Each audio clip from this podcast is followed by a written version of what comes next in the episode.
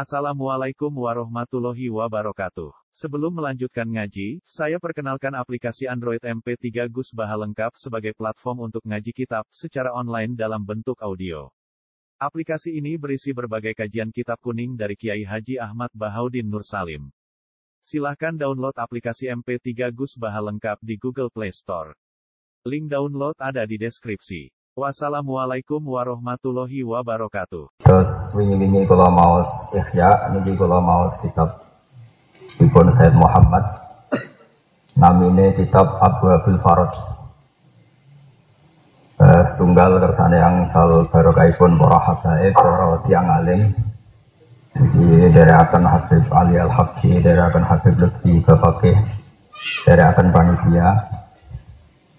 Terus ini penting kalau imutakan tentang fadhilnya kalimat la ilaha illallah.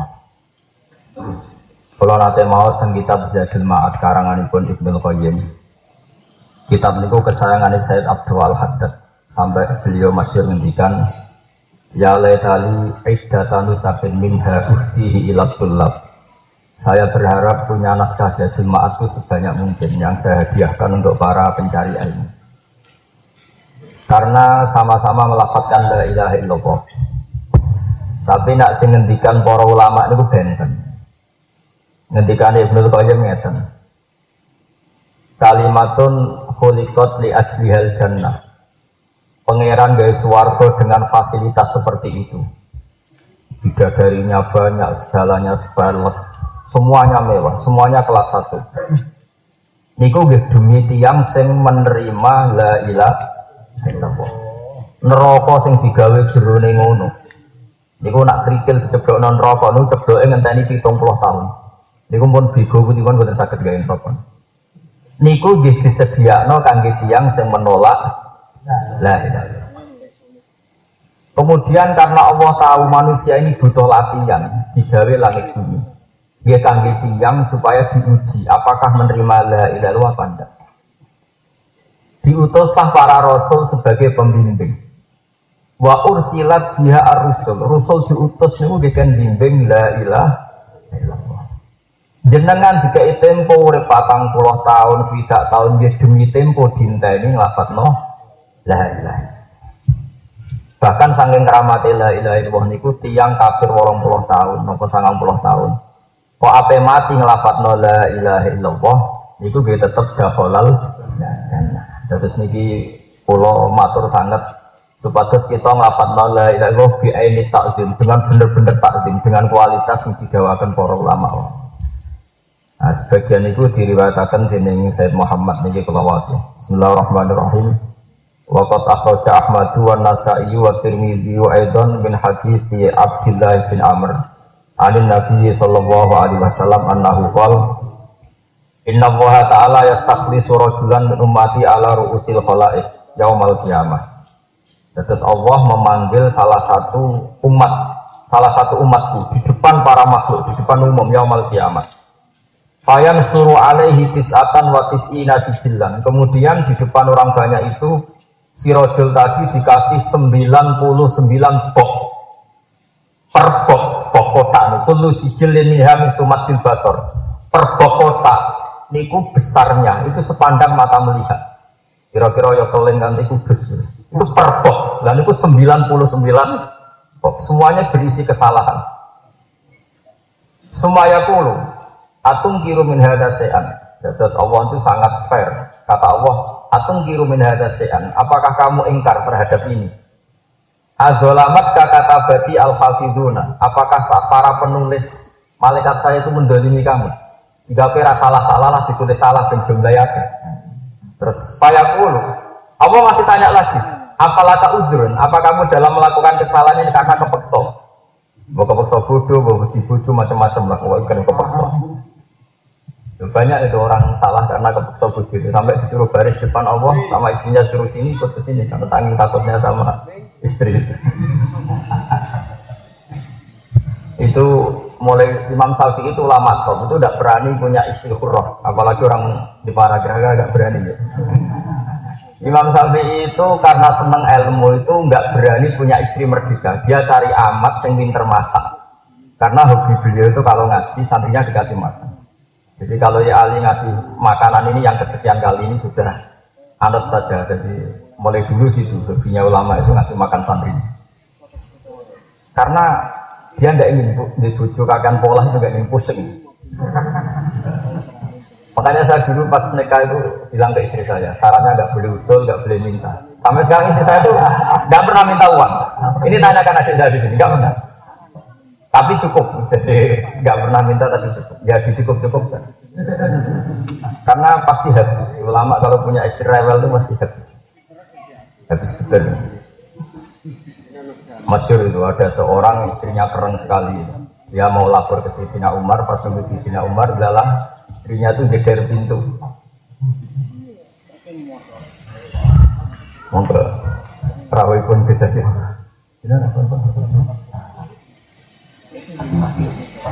awak ada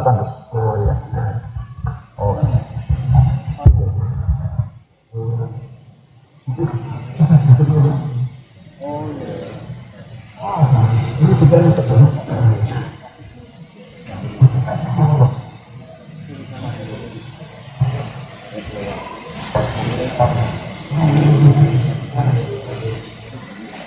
Ngomongin pakai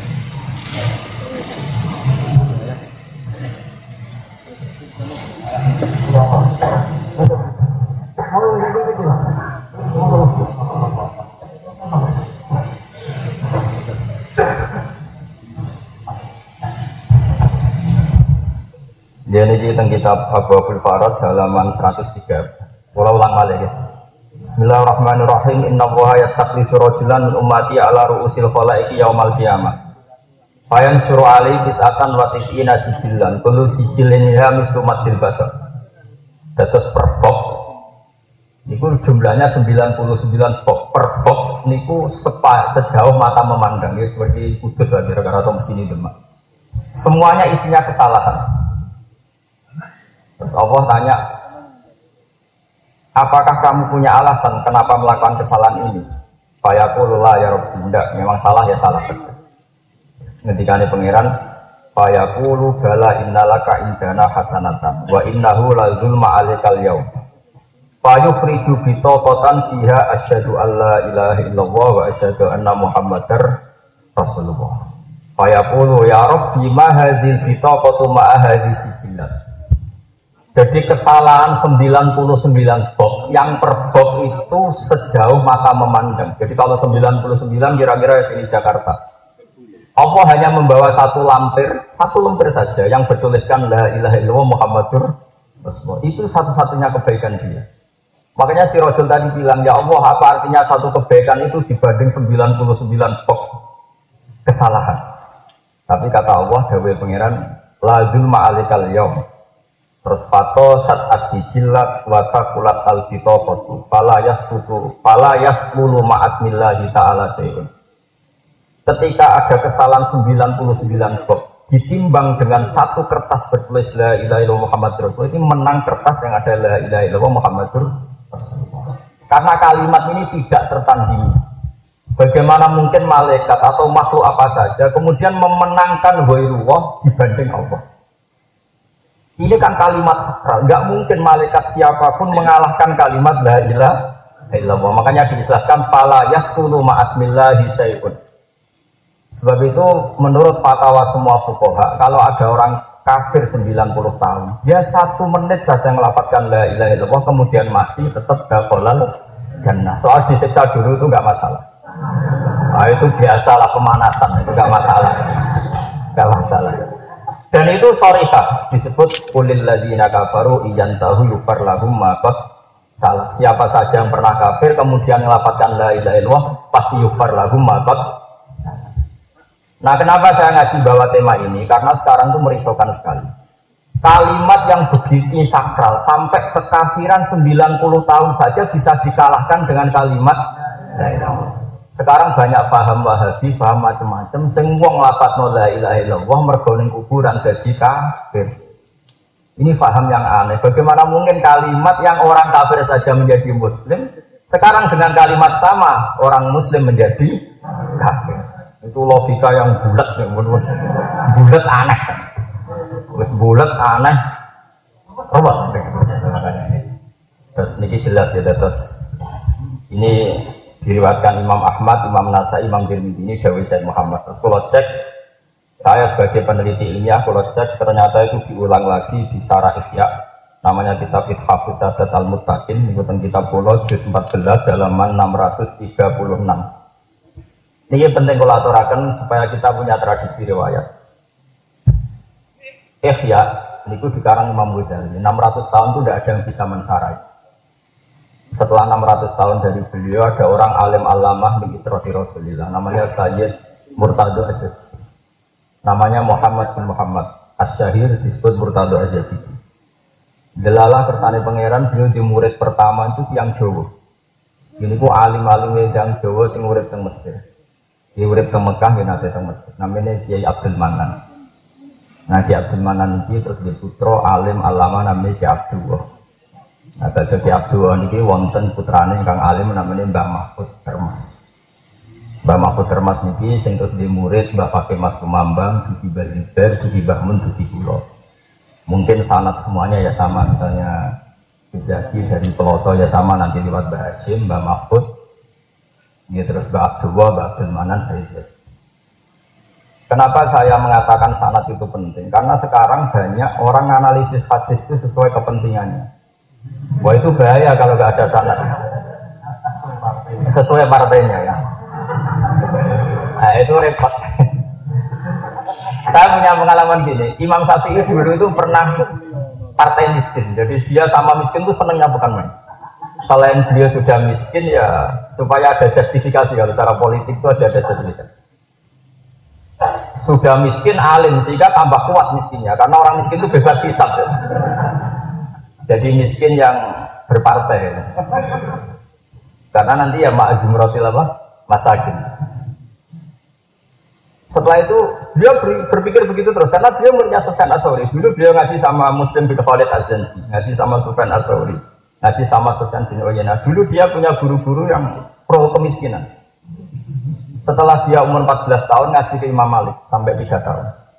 Imam Malik itu kaya, mewah itu.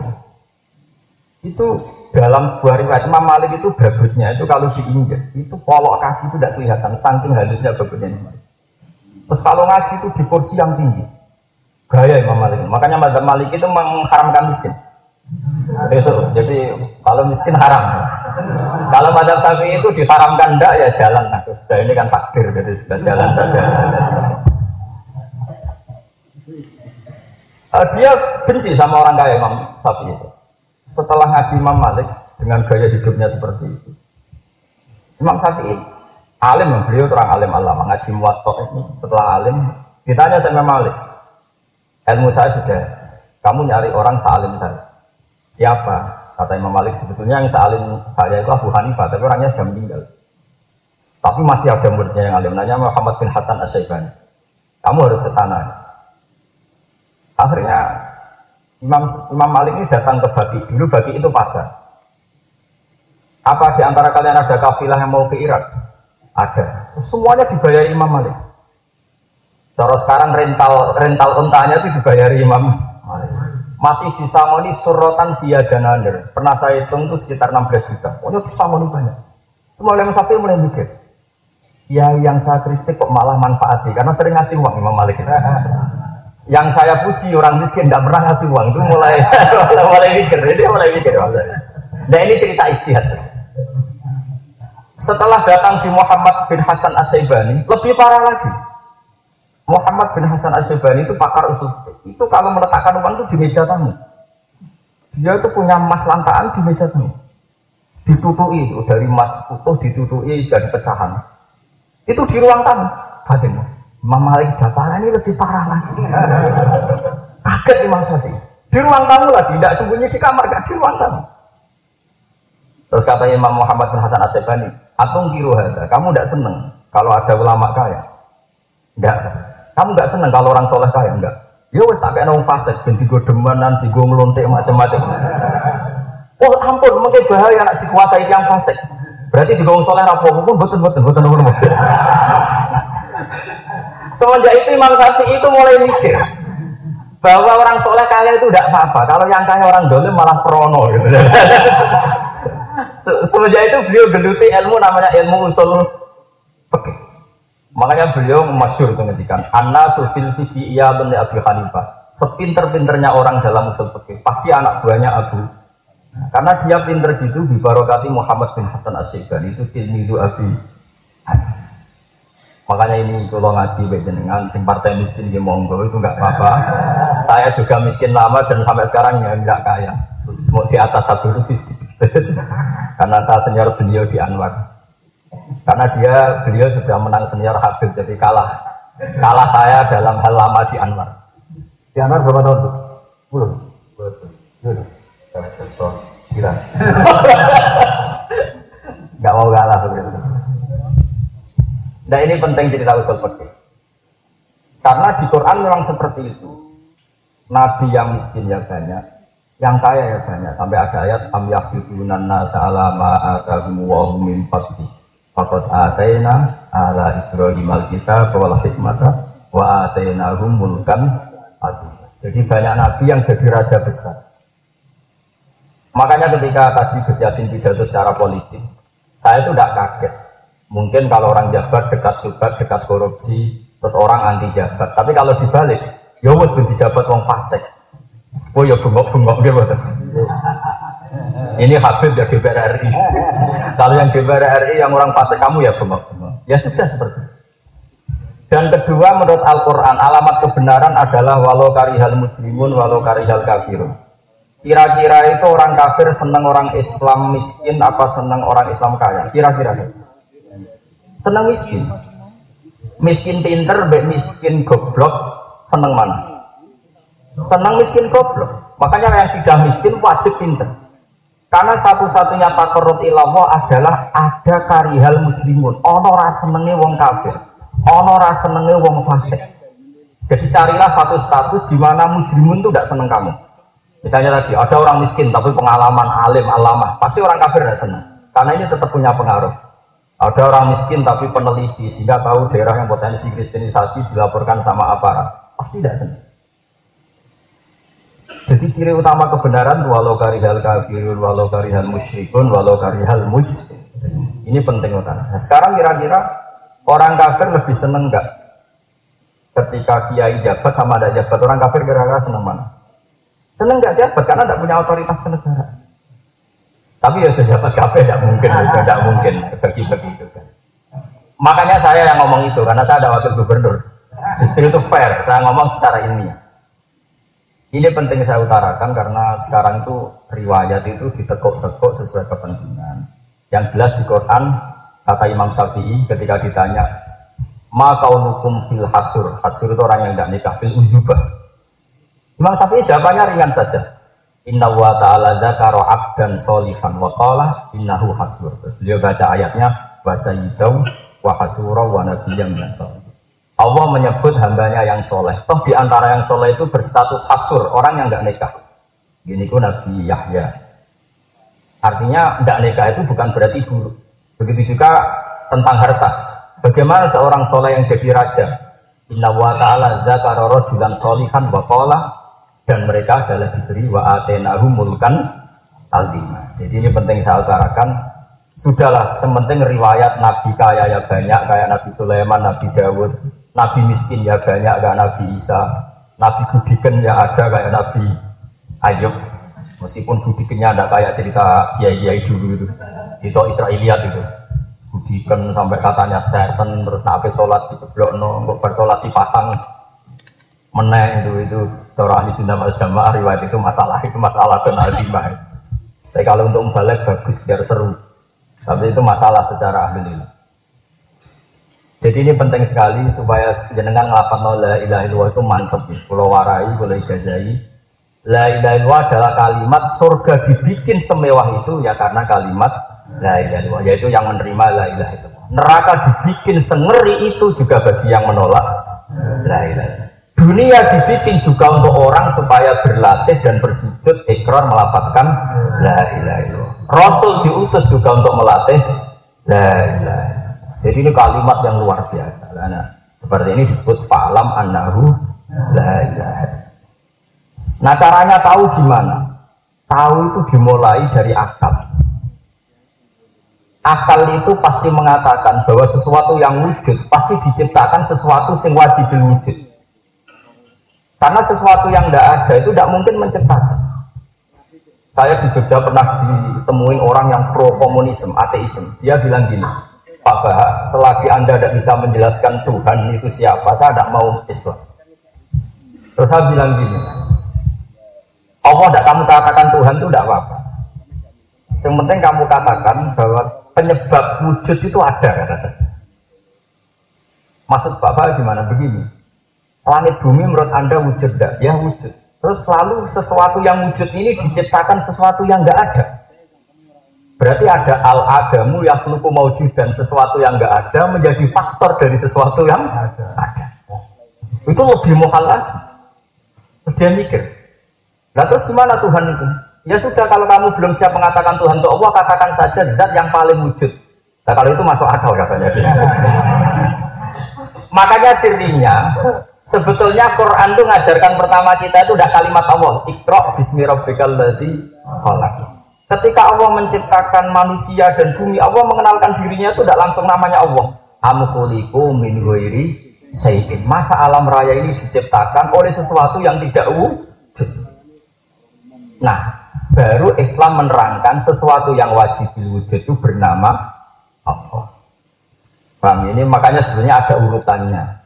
Makanya masyur kalau dalam kitab-kitab ilmu kalam musab bibil asbab atau mujidul asya. Akal hanya menentukan bahwa alam ini butuh mujid, butuh pewujud yang mewujudkan. Soal namanya itu lamat kholalil akli. Akal tidak ikut campur. Yaitu hanya riwayat secara Islam yang menciptakan langit bumi disebut apa? Itulah pinternya ulama-ulama dulu ketika mensifati Allah itu dat sing wajibil wujud. Karena wujud langit bumi ini sudah nyata. Tinggal nyari sebabnya siapa? Penyebabnya adalah zat yang di atas itu semua. Disebut wajibil. Terus seorang tadi baru ikrar. Ya sudah lah Bapak. Nggak masalah kalau Tuhan itu wajibil wujud atau wujud yang beresensi nggak masalah. Soal namanya Allah saya pikir dulu katanya sudah kamu pikir apa terus. Tapi teori ini penting. Saya termasuk orang ahli sunnah yang setuju model kitab Fathul Mu'in. Meskipun sebagian besar ahli sunnah tidak setuju. Kalau menurut teorinya Fatul Mu'in itu Allah itu mangkulun minal ilah. Lapat Allah itu dipindahkan secara alam dari lapat alilah. Lapat alilah ditakrif, dimarifatkan, kemudian ditafsir menjadi Allah. Jadi Allah itu maknanya Tuhan yang tak. Tapi menurut ahli sunnah yang lain kan enggak Allah itu tauqifiyah ya sudah namanya Allah. Tapi setidaknya menurut Fatul Mu'in itu lebih gampang. Artinya Allah itu nama dari apa yang kita sebut yaitu musabibul asbab atau al-ilah dari kata Tuhan. Dan itu lebih mudah karena di Quran misalnya ada pertanyaan kul ayu sayin akbaru syahada ulillah. Jadi ini penting saya utarakan supaya anda ini terbiasa pakai hujah-hujah Qur'aniyah yaitu caranya tadi. Misalnya Allah nggak dikatakan Tuhan kata Allah nggak apa-apa saya ada Tuhan tapi tunjukkan ada Tuhan yang lain yang lebih tangguh ketimbang saya. Kul ara'aitum ma tad'una min dunillah aruni ma dakalakum minal ardi am lahum syirkun fis samawat. Enggak apa-apa saya ada Tuhan, tapi carikan Tuhan yang menciptakan langit bumi. Buktikan ada Tuhan lain yang menciptakan langit bumi. Kan mereka tidak bisa buktikan. Misalnya mereka bilang Yesus Tuhan, Isa itu lahirnya di bumi, ada tanggalannya Masehi. Fir'aun apalagi? Fir'aun ngaku Tuhan itu dibantah sampai Nabi Musa. Tuhan itu Rabbus samawati wal ardi yang menuhani langit dan bumi. Fir'aun masih enteng. Saya jalan-jalan ke mana-mana, tahunya Tuhan ya saya. Ma'alim tulakum min ilahin Kata Musa, Tuhan itu di langit. Malah Fir'aun manggil Haman. Ya Haman menjadi surhala ali abdul asbab asbab samawati fa'atol ya ila ilahi Musa. Haman bangunkan aku piramida yang tinggi. Supaya aku bisa melihat Tuhannya Musa. Kok kita nih gitu. Akhirnya Musa mikir, ini debat Musa orang saraf ini enggak selesai. Akhirnya Nabi Musa sederhana, mensifati Tuhan langit bumi itu enggak, enggak, enggak mengalahkan Fir'aun. Allah mengajarkan Musa teori yang sederhana. Rabbukum wa rabbu abaikumul awal. Ya sengene enak ngono, pangeran sing mengerani buyutmu. Itu hadirin yang hadir, langsung ada yang iman. Nak pangeran itu Fir'aun, buyutnya rano pangeran dong. Kan Fir'aunnya baru lahir. Fir'aun kaget, waduh. Karena kalau cerita Tuhan bumi, dia masih ke mana-mana dituhankan. Tuhan langit, dia masih berharap setelah piramida melihat Tuhannya, Tuhannya Musa maksudnya. Setelah ada piramida, dia kan tetap tidak melihat. Terus makanya Nabi Musa ganti ini ganti kopling ini rob hukum wa robbu ikumul awal. Yang menuhani nenek moyangmu. Nah ini semenjak itu sadar wakola rojulum mu'minum min ali fir'aun yaktumu nawa iman. Saat itu sudah ada yang iman. Iya ya, nah Fir'aun pangeran dua mbah di buyut terus buyutnya pangerannya wong pangerannya lahir terlambat nah ini namanya al hujjah jadi saya mohon sekali jadi dilatih kul falillahil hujjatul balighah wa tilka hujjatuna atayna ibrahim ala qaumi jadi saya mohon kalau ibadah anut riwayat karena itu tak abadi tapi kalau logika itu anut akal. Ya akal yang dipandu lama tentu kita belajar beberapa kitab ilmu kalam yang diajarkan Imam Asyar yang diajarkan Imam Maturidi yang lewat guru-guru kita. Jadi eh, saya pikir demikian. Walaupun Pak Wiridan kalau namun bantu ini karena format Habib Bali jadi jadi perjanjian ini kalau ngajar di sini itu sekali tapi ini ya Ali melanggar sampai tiga kali. Ya. tapi ini hormat risadat al kiram karena sebetulnya kalau tadi jagungan nama Habib Lutfi sebetulnya keinginan Rasulullah terbesar adalah tarotu fikum khalifaten. Bagian riwayat disebut ahaduma asqalu minal akhir yaitu kita bawah wa itroti kita buah dan itro itro itu ya yang pokoknya yang mansuk yang keturunan-keturunan Rasulullah. Baik keturunan nasab maupun keturunan sabab masyur itu.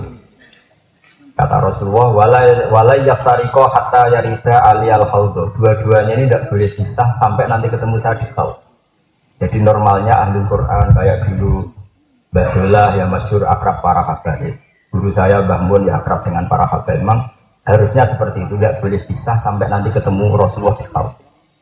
Nah tentu nasab itu dua, ada nasab gen kayak Habib Ali Al Habib, ada nasab sebab. Sebab itu ya karena ta'allum, karena mahabbah. Makanya di hadis itu riwayatnya kullu nasabin wasababin. Jadi bukan nasab kok kullu nasabin wasababin mungkotiun yaumal kiamah illa nasabi wasabab. Terus yang ditetir ke Habib yang bahasa-bahasa ini sing pede mawon karena masih ada peluang untuk jalur nasab sebab apalagi jenengan mahabbah. Aku ini pro, ya Ali ini mendukung jenengan. Ini entah tawadu entah tenan nggak tahu. Aku aku dia yakin aku aku aku alhamdulillah. Dan ini kata beliau intisab bil ilmi aku tapi yang dikatakan Habib Ali itu memang benar. Jadi Sayyid Abi Bakar Sato, pengarang I'anatul Tolibin itu Habib. Tapi beliau pakai marga Sato, karena marga Sato itu marga mbah-mbahnya yang alim. Sehingga beliau lebih bangga intisab bil ilm. Sehingga namanya Abi Bakar apa? Sato. Jadi dia pakai marga ini. Begitu juga pakai mukoddam. Itu orang nggak manggil Habib pakai mukoddam, tapi Syekh. Syekh pakai mukoddam. Syekh Abdul Qadir Jalani ya Syekh Abdul Qadir Jalani. Al Berjanji juga saya Al Berjanji sampai disebut fakih karena dia ahli fakih fakih mukaddam saya tahu banyak tentang biografi beliau karena saya sering baca kitab Al Masra'ur Rawi di mana kaki Ali Ba'alam yang dikarang asli uh, ngapun dengan kata Assalamualaikum warahmatullahi wabarakatuh